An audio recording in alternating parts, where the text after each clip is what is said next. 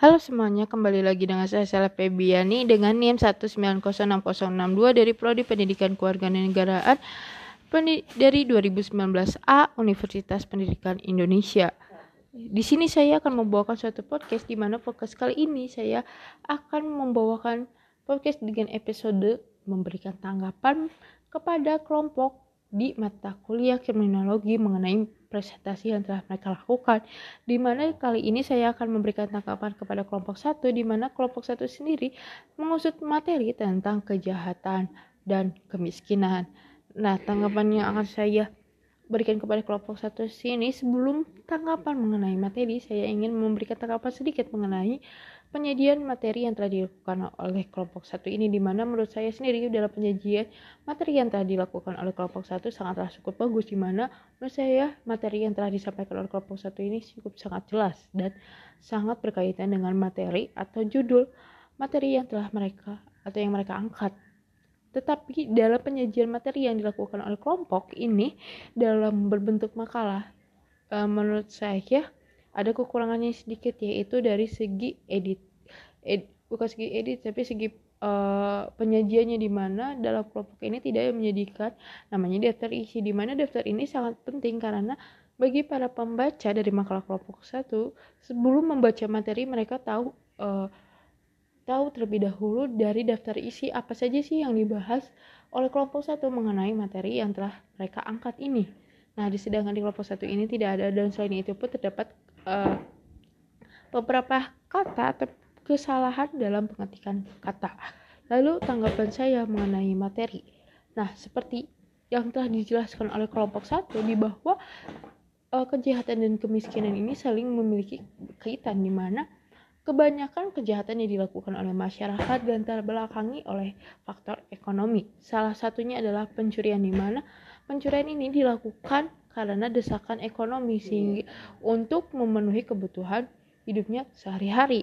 Nah, pemerintah sendiri telah melakukan banyak upaya untuk menekan angka kejahatan di Indonesia sih dengan di mana kan di sini tuh di, di, dijelaskan bahwa yang menyebabkan terjadinya kejahatan di Indonesia dan itu karena faktor ekonomi. Maka dari itu, pemerintah berfokuskan kepada perbaikan ekonomi atau kesejahteraan masyarakat uh, yang miskin. Sehingga ketika masyarakat yang miskin ini memiliki kesejahteraan, mungkin saja uh, si nilai angka kejahatan di Indonesia ini dapat ditekan atau tidak mengalami penurunan. Nah, namun uh, seperti kita ketahui seperti program uh, program yang dilakukan pemerintah yang berupa sekolah gratis ini masih banyak tetap aja masih banyak masyarakat Indonesia yang namanya tidak bersekolah karena di mana banyak keluarga juga keluarga atau orang tua yang menuntut anaknya untuk membantu orang tuanya. Daripada uh, mereka bersekolah mendingan membantu orangnya orang tuanya untuk mencari uang. Ada yang membantu orang tuanya sebagai bekerja, ada pun yang membantu orang tuanya sebagai seperti kita bilang tak jarang anak kecil di, dipaksa oleh orang tuanya untuk mencuri salah satunya mencopet atau meminta-minta di lampu merah. Nah, hal itu sering terjadi dan sering kita ketemui dalam sehari-hari. Lalu hal ini juga berkaitan dengan pertanyaan dari uh, saudara Winaura. Nah, di sini saya akan mena um, ingin menambahkan sedikit dari uh, jawaban yang telah dilakukan atau yang telah diberikan oleh rekan saya di kelompok satu yaitu oleh Nita dan juga Nandang. Di mana pertanyaan dari Wina sendiri yaitu di Indonesia tindak kejahatan meningkat karena akibatnya uh, meningkatnya juga kemiskinan di mana seseorang melakukan kejahatan itu akibat dari desakan ekonomi untuk memenuhi kebutuhan hidupnya. Lalu bagaimana tanggapan kelompok di mana di Indonesia sendiri pemerintah sudah membuat beberapa program untuk memenuhi kebutuhan hidup bagi masyarakat salah satunya jaminan kesehatan bagi masyarakat lalu ada namanya uh, pemberian beasiswa skin namun hal itu tidak uh, tidak menutup untuk menurut e, menekan angka kejahatan di Indonesia. Nah, menurut kelompok apakah program tersebut sudah cukup atau terus ditambahkan? Nah, menurut saya sendiri sama seperti Nita dan Nandang di mana uh, saya setuju di bahwa mereka juga berpendapat bahwa program-program yang telah dilakukan oleh pemerintah sendiri sebenarnya cukup bagus. Di mana menurut Nandang kan dijelaskan bahwa sebenarnya harus diperbaiki lagi atau dibenar lagi dalam manajemennya. Dan menurut kita di mana hampir berkaitan dengan jawaban Anda dari manajemennya karena secara tidak langsung terkadang dalam uh, proses manajemennya itu ada oknum-oknum yang melakukan korupsi.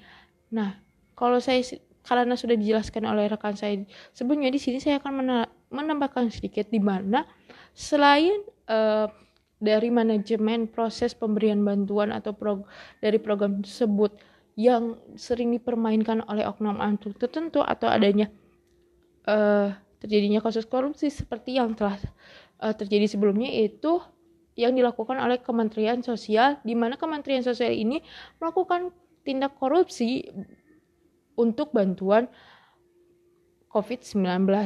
Nah, menurut saya pribadi tuh uh, pemerintah sebaiknya selalu meng mengupdate atau memperbaharui data-data masyarakat miskin di Indonesia. Nah, seperti yang kita ketahui pada uh, saat ini yaitu pada tahun 2020 dan tahun 2021 jumlah uh, masyarakat miskin ini meningkat. Mengapa meningkat?